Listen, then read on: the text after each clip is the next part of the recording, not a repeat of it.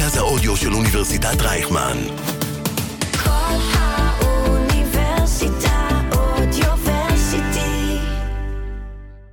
שלום לכל המאזינים והמאזינות, כאן איתכם ראו מחול ואלון צינמון בפודקאסט ההון סיכון. בפרק של היום אנחנו מארחים את עמרי גרין, שותף בקרן Dell Technologies Capital.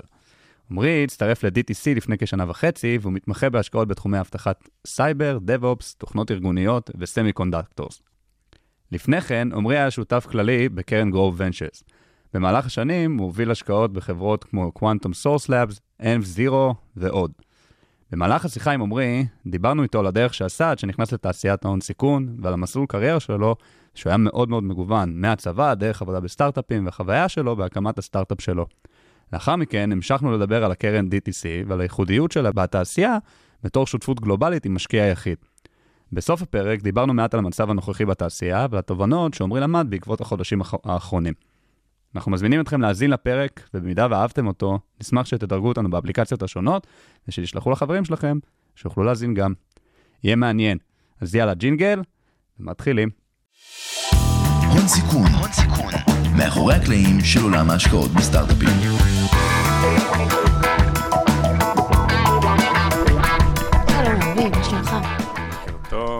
טוב. להיות עמרי.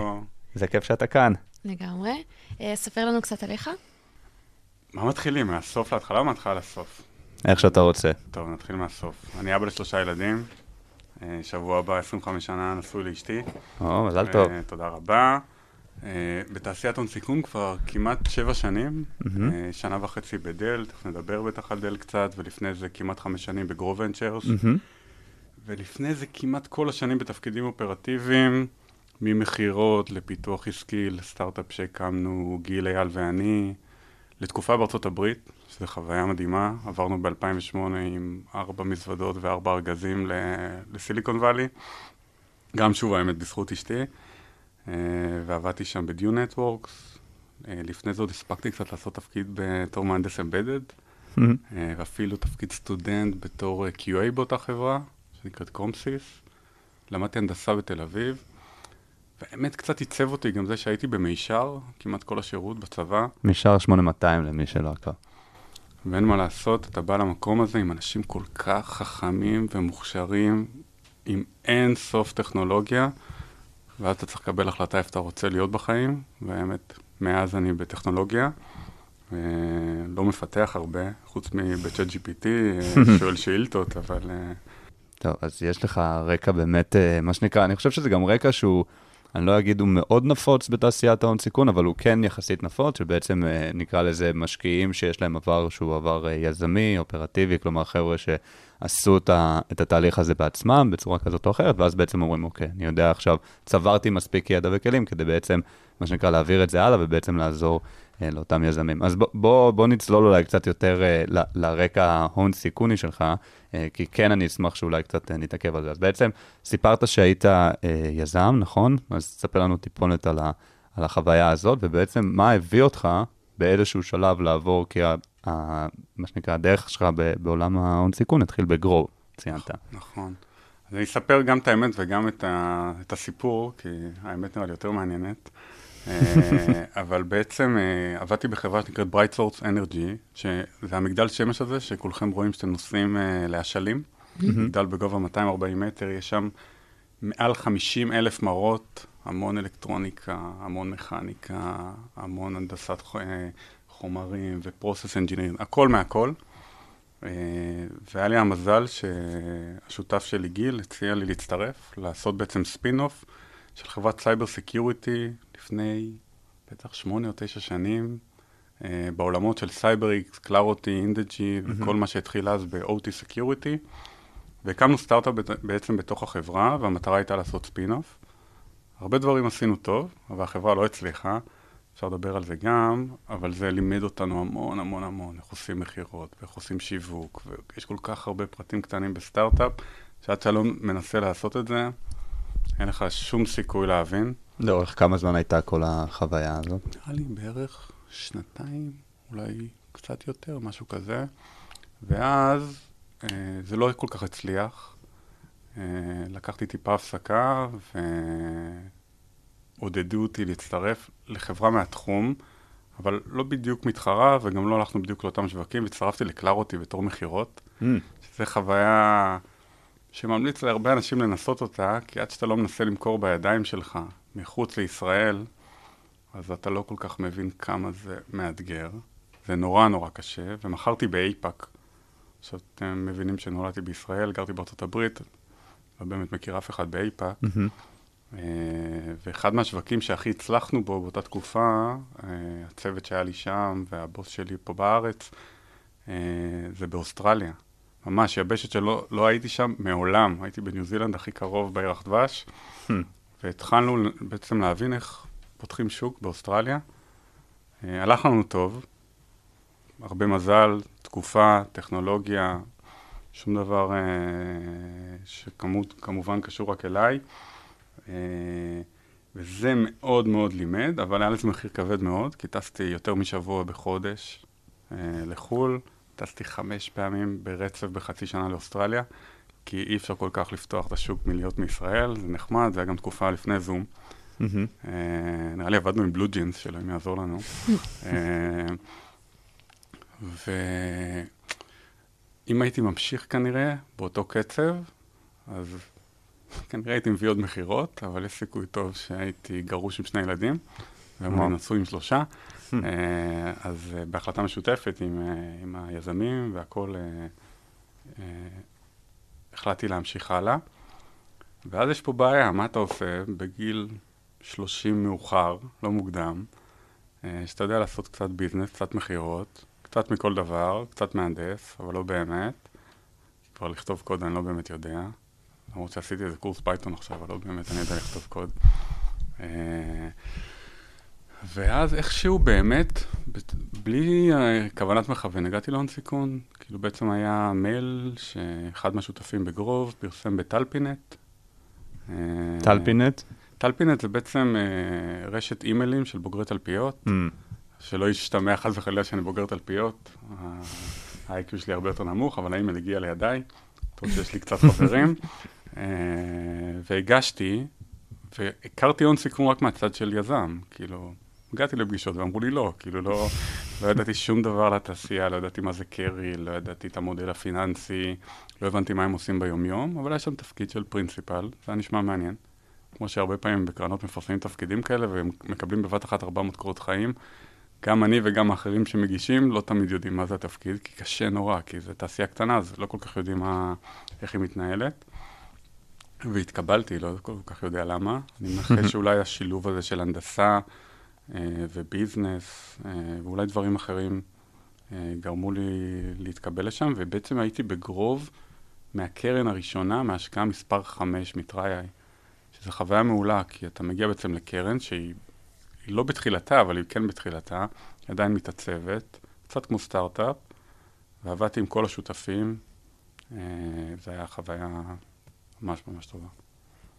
ומשם. מה- ואז בעצם מה שקרה, מה כמה זמן היית שם? הייתי שם ארבע וחצי שנים, בהתחלה הייתי כ-principal בעצם מי שאחראי על ה-deal flow שמגיע לקרן, אבל בעצם לעבוד עם כל אחד מהשותפים והשותפות על ההשקעות. אז הייתי מעורב בהמון המון המון עסקאות. ואז גם, האמת, די בצורה פלאית, הציעו לי להיות שותף, אחרי די מעט זמן, נראה לי אחרי פחות משנה. בעצם הצטרפתי כבר בקרן הראשונה בתור שותף, עוד בקרן הראשונה זה לא באמת אמיתי, כי אתה לא באמת, לא הולכים ומשנים אה, אלפי שורות של ניירות ו- ועשר חשבונות בנק אה, בשלב הזה, אבל עשיתי כבר שתי השקעות שהובלתי, והייתי בבורדים של אנד זירו ודיפסק, מ-Grove אחד.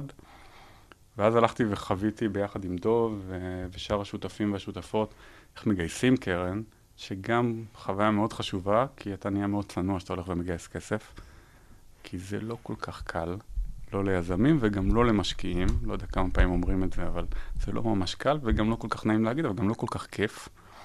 כי אתה מסתובב בעצם ברחבי העולם, אני הייתי בעיקר באיפא"ק, פעם מהמם. אחת אולי בארצות הברית נסעתי עם לוטן, אבל רוב הזמן באיפא"ק, אה, ואתה בעצם מוכר את הקרן, את הסיפור של הסטארט-אפים, והרבה מוכר את עצמך, שאני די שונא את החלק הזה, אה, כי בסוף משקיעים, משקיעים באנשים. כמו שאנחנו משקיעים בסטארט-אפים, גם מי שמשקיע LP, Limited Partner, משקיע בעצם בשותפים, שותפות, כי הוא רוצה לעבוד איתם, כי הוא מאמין שהם יעשו לו החזר טוב על הכסף.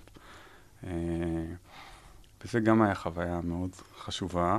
ובעצם בגרוב 2 עשיתי עוד השקעות בחברות כמו Unifabrics ו-Common Ground ו-Quantum Source Lab, שאפשר לדבר עליהם קצת אחרי.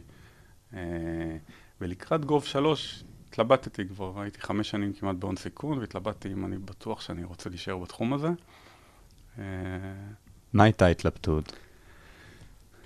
הון סיכון זה מאוד כיף, מאוד, באמת. אתה פוגש כל היום אנשים חכמים וחכמות, אתה כל היום בטכנולוגיה, כל היום. אתה לא באמת כותב שום דבר, אתה מתעסק בבוקר ב-DevOps ובערב בסייבר, ואם אתה בגרוב אתה יום אחד עם הפרדה קירלית, ויום אחד אתה עם קוונטים, ויום אחד אתה אולי עם פודטק אפילו. אז זה מהמם. אתה לומד מלא מלא מלא מלא מלא דברים. ויש באג אחד קטן בהון סיכון, שכשאתה בא לישיבת בורד, אתה יושב בצד שהוא לא באמת אופרטיבי. מהמם. אז אתה יכול אולי להציע דברים, אתה יכול אולי להכווין. אה, הדוגמה שתמיד נתנו בגרוב זה שכמו, זה, אתה קצת כמו, קצת כמו Waze, אפשר להפעיל אותו באוטו, אבל אין בעיה שהיזמים יסגרו אותו וייסעו לאן שהם רוצים, כי ככה זה עובד, נכון? זה חברה, זה אורגניזם שחי. בעצמו, הוא לא קשור למה שתגיד לו, הוא- אתה יכול לייעץ לו, אבל אין לך הרבה יכולת אחרת. זה הפריע לי, כי, כי בקלאוטי השפעתי, ממש על השורה התחתונה. כאילו, הצלחנו להביא ב-APAC מיליוני דולרים רבים בתחילת הדרך, הרבה יותר מארצות הברית בשנה ההיא, וזה אה, השפיע, לא יודע אם זה עשה טוב או רע, אפשר, לי- העולם נשפוט את זה בסוף, אבל אה, זה כנראה עשה טוב. אז זה הפריע לי, ואז התלבטתי. כשאתה גם בא לקרן, אתה בעצם, בכל פעם שאתה מגייס קרן, אתה בעצם מתחייב להמון שנים. זה, בגלל שזו שותפות, זה הרבה יותר מהחלטה לעבוד בחברה. כי כשאתה בא לחברה, אתה מקבל חוזה, אתה חותם עליו, ובסדר. תחשבו, אולי אנלוגיה טובה, תחשבו גם, לא, לא יודע אם משרד עורכי דין זה דוגמה טובה, אבל בהון סיכון, בעצם כל קרן חיה שמונה, עשר שנים. בעצם הלכת לבנק, או ל-Wealth Management של סטנפורד, או ל-Family Office בהונג קונג, או לחברת חשמל ב-APAC, ואתה אומר להם, בואו תשקיעו בנו. בעצם הם מצפים לזה שאתה תהיה שם עד הסוף שהכסף יחזור, נכון? ועדיף חזרה שיחזור... לזה שהם משקיעים בך. נכון, מהמם. ואתה כאילו בעצם הולך עם הפרצוף שלך, כי במצגת משקיעים זה מאוד בולט, במצגת שאתה הולך לגייס, מאוד בולט הפרצוף שלך. אה, מה שלא בולט שאתה עובד בחברה, גם אם אפילו אם אתה בהנהלה של חברה, זה ברור, אנשים מתחלפים, הולכים, משתנים. חוץ מהיזמים כמובן, שעדיף שלא יתחלפו, כי זה לא הסימן הכי טוב בעולם, וגם זה שלהם, אז עדיף שתמיד שיישארו כמה שאפשר. או במקרה הקיצוני כמו בצ'ק פוינט, שזה מדהים, שעדיין אה, גיל אה, מוביל את החברה הזאת. אה, ו- ובעצם התלבטתי אם אני צריך להיות בצד השני, בצד של יזמות, בצד של מכירות, בצד של פיתוח עסקי. לקחתי קצת הפסקה, ניצלתי גם את זה שהבן שלי, הקטן עופר, היה בן קצת פחות משנה. מהמם. זו תקופה שהוא נכנס לגן, ויש מחלות, ויש הרבה דברים, אז אתה נשאב לזה די בקלות. ואני, היות ואשתי ואני ביחד מגיל 18, אז זה בית מאוד שוויוני, אז אין פה איזה... ככה אנחנו חיים את החיים שלנו תמיד, היא יותר חכמה, מוכשרת, מוצלחת, אז זה לפעמים בסדר שגם אני אעצור קצת. אה, ואיכשהו, אה, אחרי, לדעתי, עשרה חודשים אולי. אה, מגיוס הקרן. מ- מ- מזה שבעצם החלטתי לעצור, שבעצם כאילו החברים שלי המשיכו לגייס את גרוף שלוש ואני הורדתי הילוך, והפכתי להיות ונצ'ר פרטנר, כאילו המשכתי בעצם עם כל החברות שהשקעתי בהן, נשארתי בבורדים שלהם, נשארתי לעבוד איתם, אבל לא באמת עבדתי כמשקיע, כי הפסקתי לחפש השקעות חדשות, וגם בתנאים כמובן לא המשכתי עם כל מה ש... עם כל הדברים הטובים שיש בהון סיכון, אלא קצת הורדתי הילוך. אה, ולא תכננתי להישאר בהון סיכון, אבל נוצרה הזדמנות בקרן מאוד מאוד מיוחדת, שלא הכרתי טוב לפני, כי הכרתי אותם כמו שהרבה אנשים מכירים, רק משם שלה. וקרן כדאי מאוד להבין את הבפנוכו שלו, כי אם אתה לא מבין את מה שקורה שם בפנים, אתה לא כל כך יודע לדמיין אם זה קרן טובה, אם זה אנשים טובים, אנשים מנוסים. קשה, קשה לראות את זה מהאתר, קשה לראות את זה ממה שמדברים בשרונה או בכל... אז איך בוחרים, באמת? אז גם אני, תראו, אני כבר, שהגעתי, הצטרפתי לדל אחרי גיל 40, אז אתה צריך לעשות דיו דיליג'נס, כאילו, אז קודם כל צריך שיבחרו בך, נכון? אז התחל, התחילו סדרת רעיונות, ובעצם את uh, יאיר, השותף פה בארץ, הכרתי אה, אבל את כל שבעה, את כל ששת השותפים האחרים בארצות הברית לא הכרתי, אולי פגשתי אותם פעם, באמת לפני הרבה שנים, אני חושב, את דניאל. ואז התחילו שיחות איתם, בזום, כי זה היה עוד כזה שלי קורונה כזה, ומאוד התרשמתי מהיכולות שלהם, באמת, כי יש בישראל משקיעים מעולים, אה, אבל אין המון משקיעים שעושים את זה 30 שנה, 20 שנה. Mm. בצוות פה יש המון אנשים שעושים את זה הרבה מאוד שנים כמקצוע. לפני זה היו אופרטיביים כולם, כולם מהנדסים, כולם עבדו באינטל, ב-EMC, בהרבה מאוד חברות. אה, דיפאק עוד עבד בסינגפור בחברה, ו... אה, ועושים אבל הון סיכון המון שנים. וייצרו מכונה שקיימת 11 שנה, אז בעצם Dell, DTC בעצם, Dell Tech Capital, זה קרן שקיימת 11 שנה, מנהלים היום 1.5 מיליארד דולר. שמונה שותפים, שישה בארצות הברית ושניים בישראל, ועד היום השקענו, אה, אני עשיתי מעט, כי אני פה שנה ומשהו, שנה וחצי, השקענו ב-150 חברות. וואו. תסתכלו סתם על המספרים, כאילו, בלי, ואנחנו לא צריכים להשוויץ, כי תכף נדבר על זה, יש לנו משקיע אחד. משקיע אה, אחד שווה LP אחד. כן, אוקיי. סינגל LP אחד, זה די נוח, כי אין את כל ה... 50% מהעבודה לא קיימת, כי לא צריך ללכת לגייס, זה נורא. כיף. לפחות בשבילי, אני לא כל כך אוהב את החלק הזה. אה, אז הקרן הזאת מכרה מעל 70 חברות. מתוך 150 שהשקיע כן, בהם. והנפיקה תשע חברות. יש לנו היום ב-portfolio, קשה לדעת בדיוק, אבל אם, אם באמת קוראים לעומק את המצגות board, יש בטח שמונה יוניקורנים, שהם יוניקורנים באמת, הם ב-growth של 70 אחוז, הם במכירות 100, 200, 300, הם עם booking ענקי, והם יונפקו שיהיו פעם הנפקות בעולם בתקווה. אולי גם לא, אבל שוב. בעתיד. בעתיד.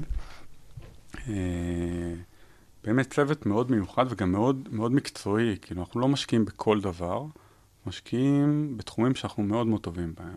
אז בעצם משקיעים ב-data infrastructure, משקיעים ב-DevOps, משקיעים בסייבר, בכל דבר שהוא בעצם software ו-enterprise, software B2B. וגם עוד קצת דברים, כאילו, זה לא שאם תלכו ותסתכלו באתר, תראו שגם השקענו בסיליקון, נכון, אבל פחות מ-10% מההשקעות שלנו, ולא השקענו בפודטק, כי לא באמת יש לנו שום יכולת להבין בזה שום דבר, וגם אין לזה שום קשר לניסיון שלנו. אה, אז זה קצת, זה מכונה כזאת שעובדת הרבה מאוד זמן ביחד, השקיעו במונגו דיבי, כאילו זה קסם. בעצם מי שמנהל את השותפות והוא הבוס של כולנו, סקוט היום יושב בבור של זיסקלר. Mm. זה באמת, זה מדהים, כאילו, זו חברה ציבורית, זה לא חברה ציבורית גדולה שגדלה, אפשר להסתכל בדוחות שלה. אה, והרבה מאוד מאוד מאוד חברות, באמת, כאילו, השקענו ב-JFrog בארץ ב-round B, השקענו ב-Cylance, השקענו ב-Arista, Arista סיפור מעניין, Arista היו לקוח שלנו ב-Dune. בזמן שגרתי בארצות הברית, Mm. בעצם Arista נבנתה על בסיס הצ'יפים של Dune, והפכו לחברה, תסתכלו בבורסה, כאילו בטח market cap של עשרות מיליארדים, והם בעצם לקחו את הצ'יפים של Dune, התזה הייתה, בואו ניקח צ'יפים הכי טובים ב-networking, איתם נבנה את הראוטר הכי טוב והכי dense בעולם, וגם נוכל להגדיל את זה כל שנתיים עם הבסיס הטכנולוגי הזה. וזה די מעניין לשמוע את הסיפור של סקוט מהצד שהוא היה משקיע, אני הייתי סתם application engineer, פשוט מהמם. נסענו לארה"ב, חיפשתי עבודה, מצאתי גם קצת במקרה, ולפעמים צריך מזל, ליפול על חברות טובות ועל יזמים מעולים, אז היה לי את המזל הזה, והיום אנחנו בארץ עם גם המון המון חברות נהדרות, סתם VAST Data. Redis, Treeverse של עינת, אה, פקאן אה, של זוהר והחבורה, באמת חברות, אני משקיף היום בחברה מהממת שנקראת Cymulate בסייבר, פשוט כיף גדול לעבוד עם, אה, עם אייל ואביחי וכל הצוות שם, אז זה מאוד מגוון. אז uh, כבר צללנו, מה שנקרא, ואני עכשיו הופ הופ הופ מעלה אותנו קצת uh, uh, למעלה, קצת לפני השטח, כי בעצם סיפרת פה um, גם על, ה, בוא נגיד, את החוויה שלך בגרוב, שמה שנקרא, היא חוויה שמאוד נהנית אולי כנראה מהעבודה עם הסטארט-אפים, פחות נהנית מחוויית הגיוס uh, כסף, ותיארת שם כמה לא נהנית ללכת עם הפרצוף שלך מרוח על השקף הראשון של איזושהי מצגת שאתה צריך אה, ללכת לחברת החשמל ולגייס ממנה כסף לקרן.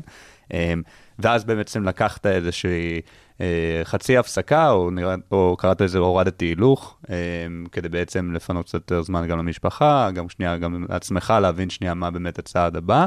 אה, לא חשבת בזמנו שזה יהיה הון סיכון, ואז איכשהו מצאת איזושהי הכלאה של בדיוק הדברים שאתה כן מאוד מאוד אוהב בתעשייה, וללא צורך של שאר הדברים אה, שקצת פחות התחברת אליהם. כלומר, יש לך את כל העבודה של ההשקעות, של הערכה של החברות החדשות, של הליווי והעזרה וכל הדברים האלה, אין לך את הגיוס אה, של ההון לעצמך. אה, אז בואו נדבר קצת יותר, נראה לי, על, על, על מה קורה ב-Dell, כי בסוף... אה, להבנתי, ואני אשמח שתעמיד אותנו פה על, אה, אם אנחנו צודקים או טועים בהקשר הזה, Dell אה, היא, האם היא CVC קלאסי? כלומר, האם כשיזמים עכשיו מגייסים אה, מ-Dell Tech Capital או Dell Technologies Capital, האם הם כאילו הולכים עכשיו לגייס אה, גיוס אסטרטגי שהולך אחר, אחר כך להבטיח להם להיכנס ל-POCs בתוך אה, Dell, או שזה משהו שהוא נפרד? איך, איך זה עובד, הסיפור הזה? זה, זה די מצחיק, אבל באמת, זו פעם ראשונה לדעתי שאני בפודקאסט, וזו הסיבה העיקרית שבאתי. כי הקרן הזאת מדהימה, והברנד שלה בסיליקון וואלי הוא מהמם, אבל בארץ אנחנו מתבלבלים. כי כתוב שם למעלה, של ארבע אותיות, של חברה מדהימה, באמת, שמייקל דל הקים אותה לפני שתקראו את הספר שלו, את הסיפור הזה של הקים חברה לפני 38 שנה, כמו שאנחנו עכשיו פה ברייכמן, הקים אותה בעצם במכללה, ומאז הוא מנהל את החברה הזאת. ב, ב, ב, בעצם ב, הקים אותה באוניברסיטה וכמו פה, ו, ו, ובעצם זה, זה סיפור די מדהים, אבל בעצם הקרן שלנו היא בשום צורה שהיא לא שלוש האותיות שאמרת קודם, אפילו לא אחזור על זה, כדי שחס וחלילה זה לא ימשיך. שזה לא ידבק. שלא ידבק, לא, זה כבר, אנחנו רק מנסים לזה. תחשבו על זה ככה, זה מאוד דומה לקרן של גוגל, או בעצם קרן שיש לה LP אחד, שאומר, בואו תיקחו את הדבר הזה, אה, ותשקיעו בצורה הכי נכונה, בלי קשר לשום business unit, לא צריך אישור מאף אחד. אנחנו שותפות כמו כל שותפות אחרת, כמו גלילות, כמו Vertex, כמו Bessemer, כמו Lightspeed, כמו Andreessen, אה, ובעצם מקבלים החלטות כשותפות, Mm-hmm. משקיעים בדברים שאנחנו מאמינים שיחזירו לנו הכי הרבה כסף. אנחנו משקיעים בעצם בין C לראונד B, אבל ההשקעות, רובם ככולם בשלבים מוקדמים, ב-seed ו-A.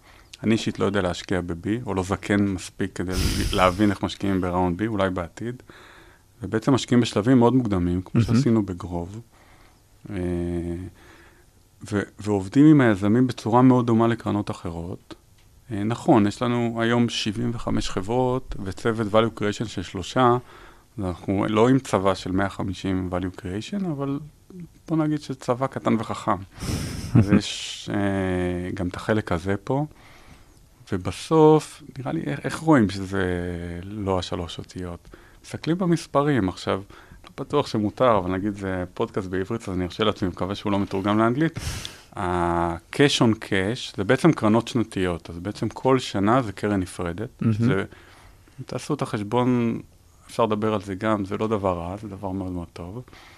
אה, וה-cash on cash של הקרנות, חוץ מהאחרונות, כי שוב, האחרונות עוד לא הבשילו, נכון? מהמם. השקענו, התחלנו להשקיע שנה שעברה, אז עוד לא החזרנו כסף כנראה על מה שעשינו שנה שעברה, ואם כן קרה נס. אה, הוא מעל שלוש וחצי, cash on cash. לא IRR אה, ולא אה, שווי שקבענו בספרים. כלומר, בפשטות, על כל דולר ששמנו, החזרנו כמה דולרים.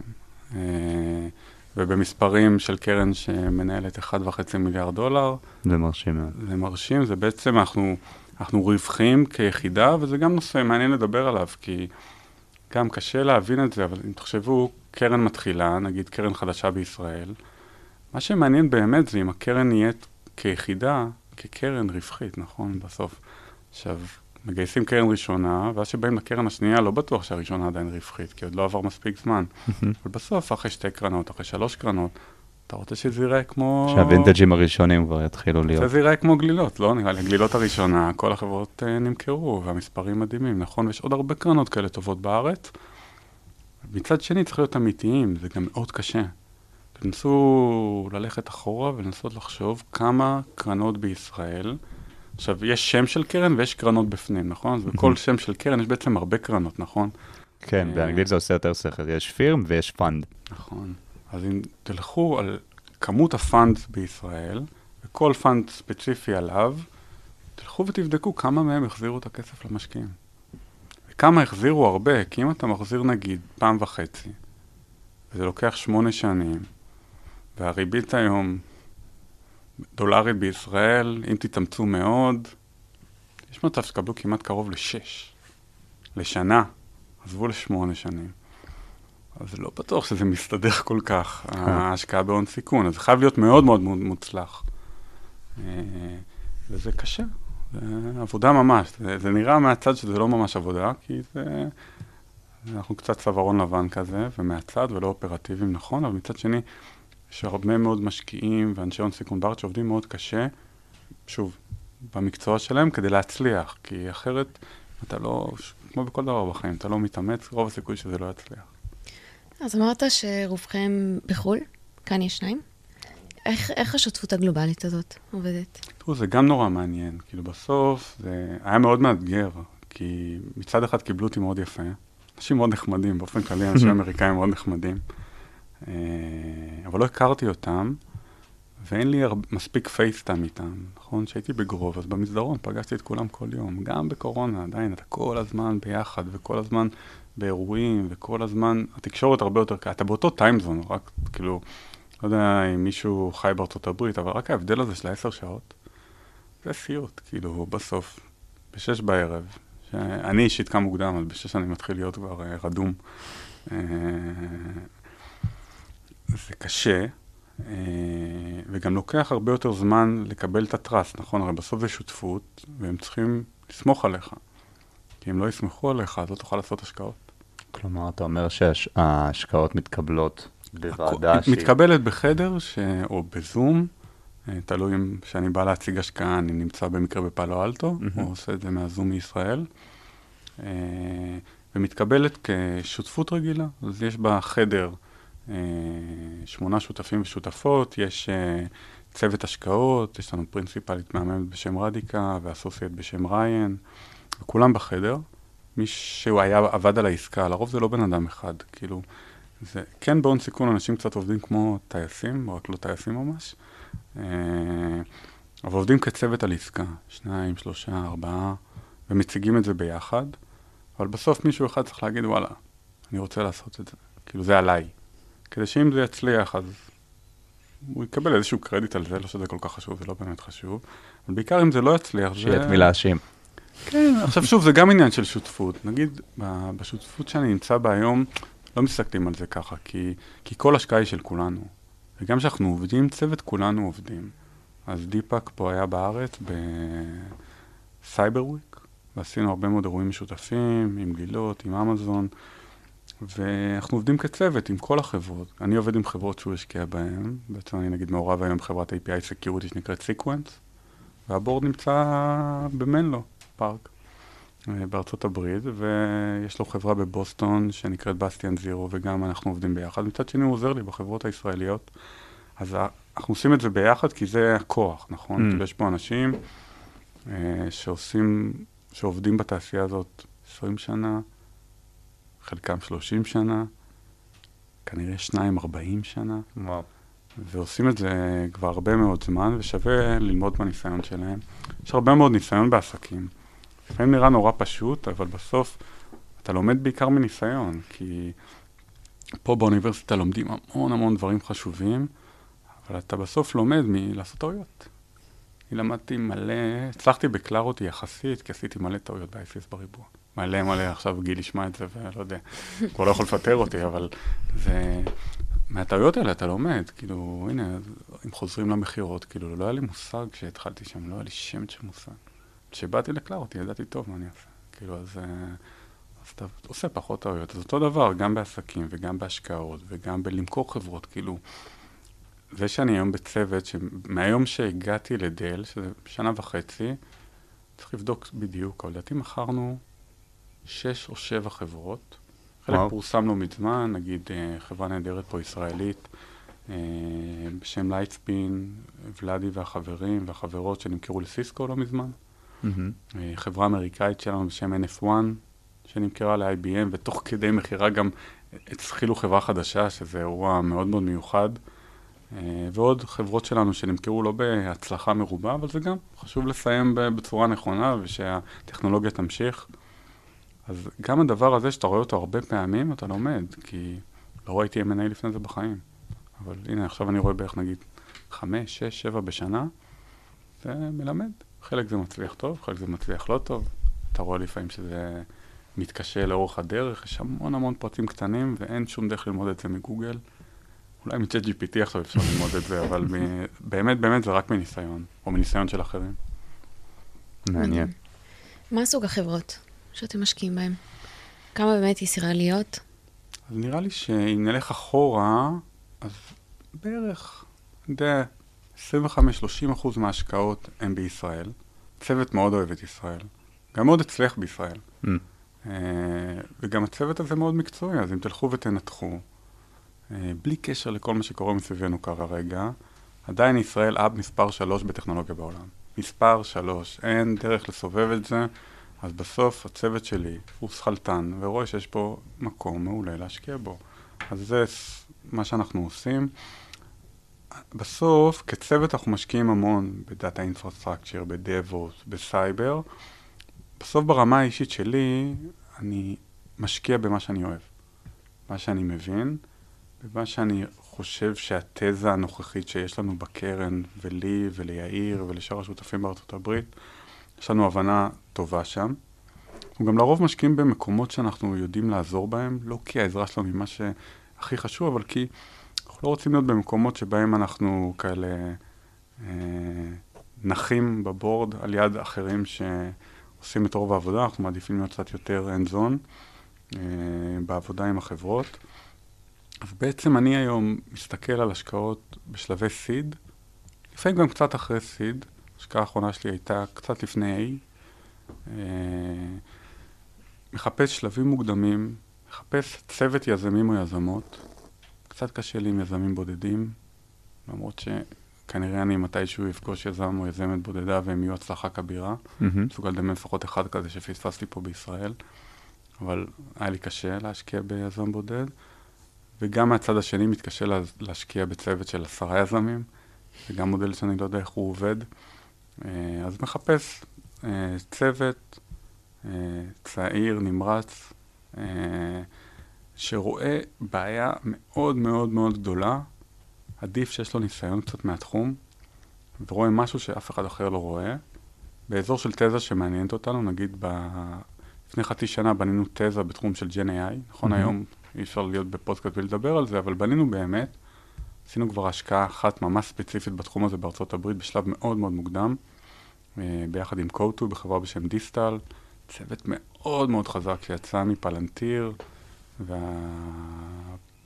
שמובילה שם את הטכנולוגיה גם מאוד מנוסה ועבדה בחברת פורטפוליו שלנו.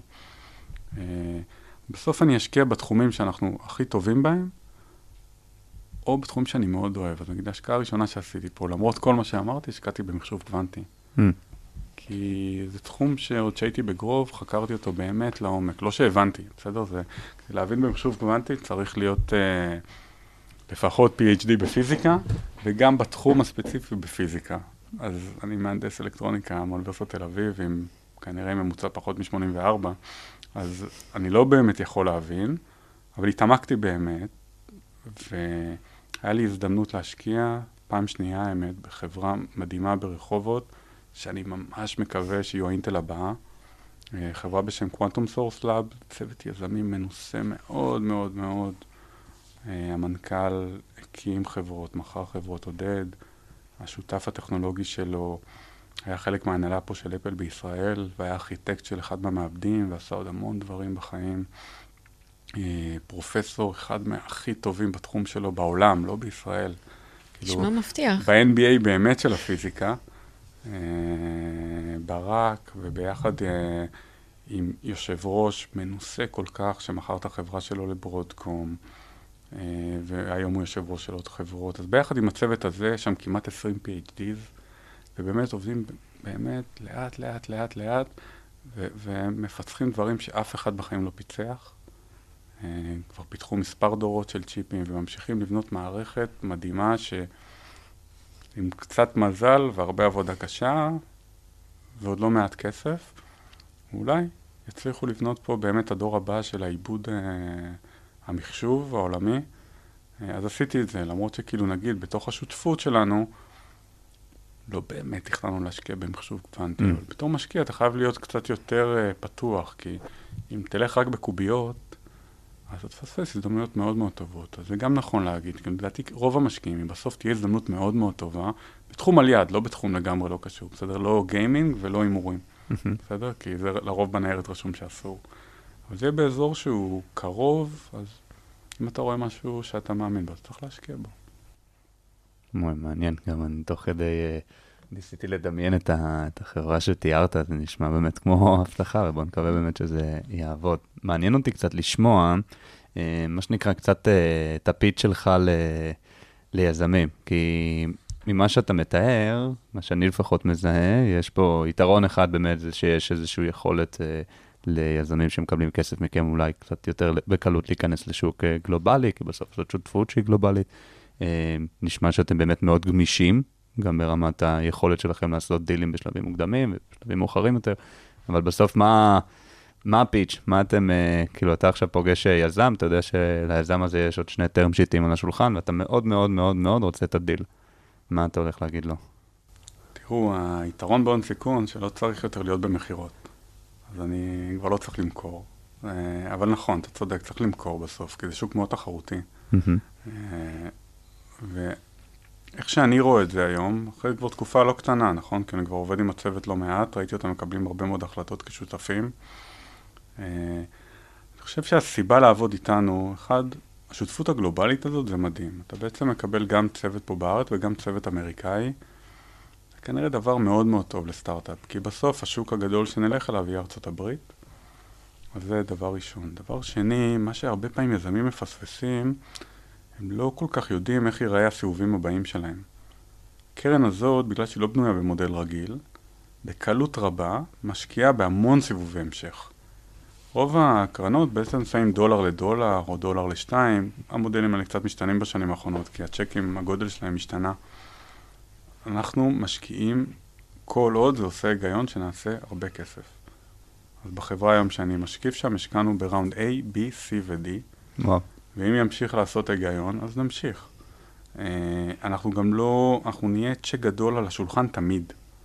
זה אומר שגם אנחנו מסוגלים לשים צ'ק של 20 מיליון דולר, למרות שאנחנו משקיע early.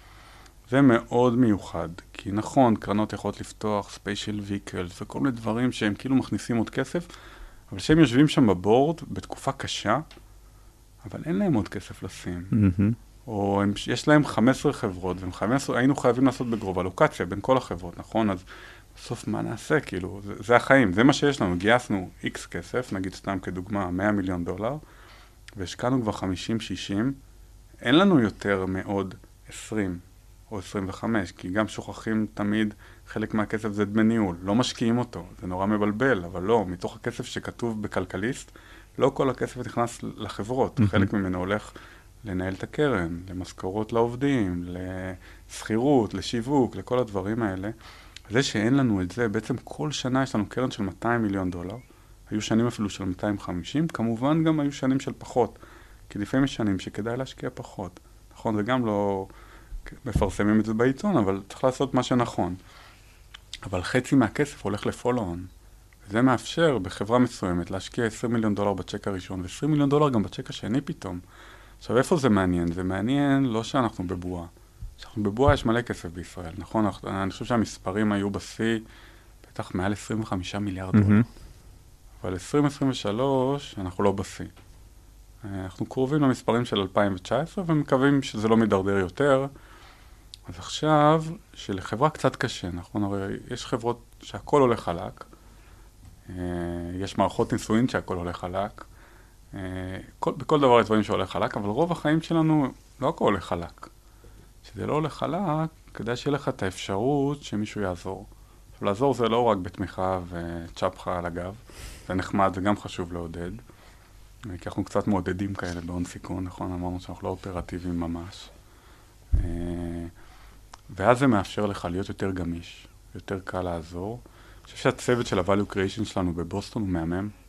הם באמת, הם בקשר עם 50 חברות שהן Fortune 500, וואו. בקשר רבעוני, ועוזרים לחברות שלנו שם. יש לנו cyber council קטן, לא 50 CISO ים כמו בחברות, קרנות סייבר הכי טובות בישראל, אבל גם מאוד מאוד עוזר. מי שמוביל שם, נגיד את הצוות, הוא ממש טוב במכירות ו-go to market. הוא ניהל account של 500 מיליון דולר ב Dell, ואז בא לעשות value creation ב-DTC. זה לא רע, הוא יודע לעשות עסקים, והוא מלמד חברות צעירות שלנו בישראל ובארצות הברית איך מציגים לחברות, ואיך עושים פיילוטים, ואיך בסוף גורמים לעסקאות לקרות, כי זה לא מספיק נכון לפגוש חברות פה באירועים בישראל. מהמם. לרוב אחר כך הם לא עונים לאימיילים אחרי, נכון? זה, זה הרבה יותר קשה, אמרנו, ש- מאיך שזה נראה. זה כל הדברים האלה. ובסוף, בסוף העצה האמיתית שלי, שאני באמת מנסה לשכנע שיעבדו איתנו, זה הכל אישי. כשאתה לוקח כסף ממישהו, או ממישהי, זה גם משהו טוב שקורה בתעשייה בארץ, שיש יותר משקיעות, אה, קצת יותר דייברסיטי בתעשייה הזאת. אתה צריך להאמין שמי שנותן לך את הכסף, או נותנת את הכסף, תרצה לעבוד איתם עכשיו עשר שנים, לפעמים זה יותר מהרבה חברויות אחרות שיש לנו בחיים, שהוא הוא או היא יהיו איתך שיהיה קשה, יהיה לטובת החברה כל הזמן, לא רק לטובתו האישית ולא לטובת הקרן, כי ברגע שאתה חבר בורד, כמו שלומדים אה, בקורסים ב-MBA, יש לך חובה לחברה. ו- וזה מבלבל, כי אתה גם מחויב ל-LPs, אבל לא, אתה מחויב לחברה, נכון? אה, אז זה באמת מה שמשכנע, ומה שאני אומר לכולם בדברים האלה, קחו, אני אתן לכם את הוואטסאפים של כל האנשים שעבדתי איתם, פשוט תדברו איתם. לא intro ולא כלום, תבדקו, תעשו due diligence. לא אמרתי קודם, כשאני באתי ל-DTC, התקשרתי לאלון קנטור ולעינת, ושאלתי אותם, איך זה לעבוד עם DTC? כי רציתי לראות שמה שמספרים לי הוא נכון. כי מהמם. תעשו אותו דבר, זה, לא, זה נורא קל, כאילו, התעשייה הזו של הון סיכון בארץ, זה לא יודע, אלפי אנשים. כל התעשיית הייטק בארץ זה פחות מחצי מיליון איש. כולם במרחק של וואטסאפ אחד, לינקדאין אחד, אימייל אחד, פגישת בר אחת, טיול אחד, נוער עובד אחד, Hmm. אה, יחידה בצבא, ולא חייבת להיות 8200. זה באמת. דברו איתם, זה הכי פשוט, כי הדברים חוזרים על עצמם. אם אנשים הם טובים, אם אנשים מבינים, מקצועיים, אז הם יהיו ככה גם נראה גם איתכם. ואם הם לפעמים קצת אגרסיביים מדי, או לפעמים פחות מבינים בתחומים, או מתקשים בדברים אחרים, אז אולי תבחרו מישהו אחר. עכשיו שוב, רוב המשקיעים בארץ הם טובים, באמת. באמת תעשייה טובה, כבר מנוסה, כבר עברו פה כמה סייקלים. בסוף, שוב, אני לא, אף פעם לא אומר, תראו, הם משקיעים לא טובים. זה לא נכון, זה באמת, זה, זה באמת לא נכון. מהמם. יש פה משקיעים מאוד מאוד טובים. אבל כמובן, אני יודע להילחם, כי אם משהו באמת אני רוצה, אז רוצה שיעבדו איתי. כאילו, אוהד ועומרי של אנד זירו, מאוד התאמצתי שיעבדו איתי. Hmm. אה, ואותו דבר עם אמיר ורן של common ground. יזמים סדרתיים, מכרו חברות, הנפיקו חברות יותר מפעם אחת. וחוץ מלתת כליה, הסכמתי לעשות הכל כדי לעבוד איתם. וגם, הייתי מוכן אפילו לתת כליה לא שלי, כאילו, אם היה צריך. אבל למזלי לא הגענו לזה, והשקענו שם את ה seed. נתנו את ה term sheet הראשון בגרוב. ו Stage 1 עבדנו איתם ביחד. היה מהמם, כאילו. מהמם. אמ, ככה, לקראת סיום, כן, אה, אני חושב ששווה אולי טיפ-טיפ טיפונת להתייחס אה, גם, נקרא לזה, לחודשים האחרונים, אה, בעקבות כל הדברים שקורים, בין אם זה אה, שוק שעבר אה, משבר וכן או לא מתחיל להתאושש, ומדינת ישראל שנמצאת במה שנקרא, בלב מחלוקת סוערת ומשסעת. גם בכל מה שקורה פה, ואנחנו לא ניכנס יותר מדי לזה, אבל כן אני חושב שאני בטוח שיש הרבה דברים שלמדת בחודשים האחרונים, בשנה האחרונה, בהקשרים של השקעות, של סיכון. אה, אני אשמח שתשתף אותנו קצת בכמה מסקנות שעלו אה, בחודשים האחרונים בעקבות כל התנועות השונות שקורות פה. אני חושב שבכלל, השלוש שנים האחרונות הם לקח מעולה לכולנו. לא משנה בני כמה אנחנו. אנחנו בני 50, 40, 30, או יוצאים כרגע מהאוניברסיטה. לראות בועה מול העיניים, מדהימה, איזה כיף, חגיגה, הכסף זורם, אפשר להתחיל סטארט-אפים בשבוע, אה, עם product market fit, בלי product market fit, לעשות סקנדרי, כל החגיגה שהייתה פה, לא מזיק לראות אותה. גם לא מזיק לראות ההשלכות של מה שעשינו. נכון שחברות גייסו יותר מדי, שרפו יותר מדי, עשו כנראה קצת יותר מדי מסיבות. אולי גייסו עובדים מהר מדי. אה, כל הדברים האלה מאוד מאוד מלמדים. כי אחרי שזה קרה, בערך ממרץ כנראה שנה שעברה אנחנו במשבר. עכשיו גם, אנחנו אנשים מאוד אופטימיים, ובהון סיכון אתה חייב להיות אופטימי, כי אם לא תהיה אופטימי לא תשקיע בכלום ונורא תפחד, ואסור לפחד, כאילו צריך להיות לך איזושהי אמונה או מקצועיות להשקיע בסוף, נכון? כי הכי קל זה לא להשקיע. תראו, הכי קל, אני פוגש כנראה 500 חברות בשנה, הכי קל זה להגיד לא. עדיף להגיד לא בצורה מנומסת ומנומקת, אבל להגיד לא זה קל, כי לא דורש לעשות עבודה. מהמם. אז ההתנהלות בעצם של יזמים ויזמיות בתקופה עכשיו, שלחלקם היה הרבה כסף בבנק, אה, חלקם צמצמו מהר, כמו באמריקה. באמריקה למשל, מהר, מהר, מהר מאוד, אחרי שראו את המשבר שנה שעברה, הורידו רבע מהחברה. עכשיו, זה נורא כואב, נכון? כאילו, זה, וואו, זה לפטר רבע מהחברה.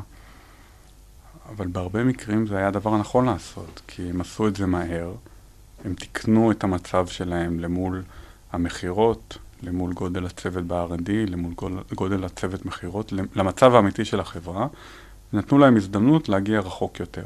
בישראל למשל עשינו את זה יותר לאט. אולי צדקנו, אולי טעינו, אפשר לדבר על זה. אה, עכשיו תראו, זה, אנחנו עדיין במשבר, כאילו, אני יודע שהרבה אנשים נורא אוהבים לראות את הסיגנלים הראשונים עכשיו בארצות הברית, שזה נראה שיוצאים, וזה מוקלט, אז זה מאוד מסוכן מה שקורה עכשיו. אני לא יודע, כאילו, קודם כל אני חוזר לזה שאני מהנדס, אז אני, ההבנה שלי במספרים היא עם המגבלה הזאת, אבל, אבל יש עדיין המון סיגנלים שלא קרו. נכון, כשיוצאים ממשבר, אז הריבית מתחילה לרדת. אבל היא לא ירדה.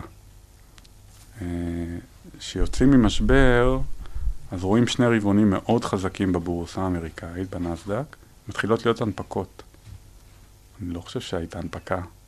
הנפקת חברת תוכנה, טכנולוגיה ולא מובילאיי, שזה משהו מאוד מיוחד, מאז מרץ.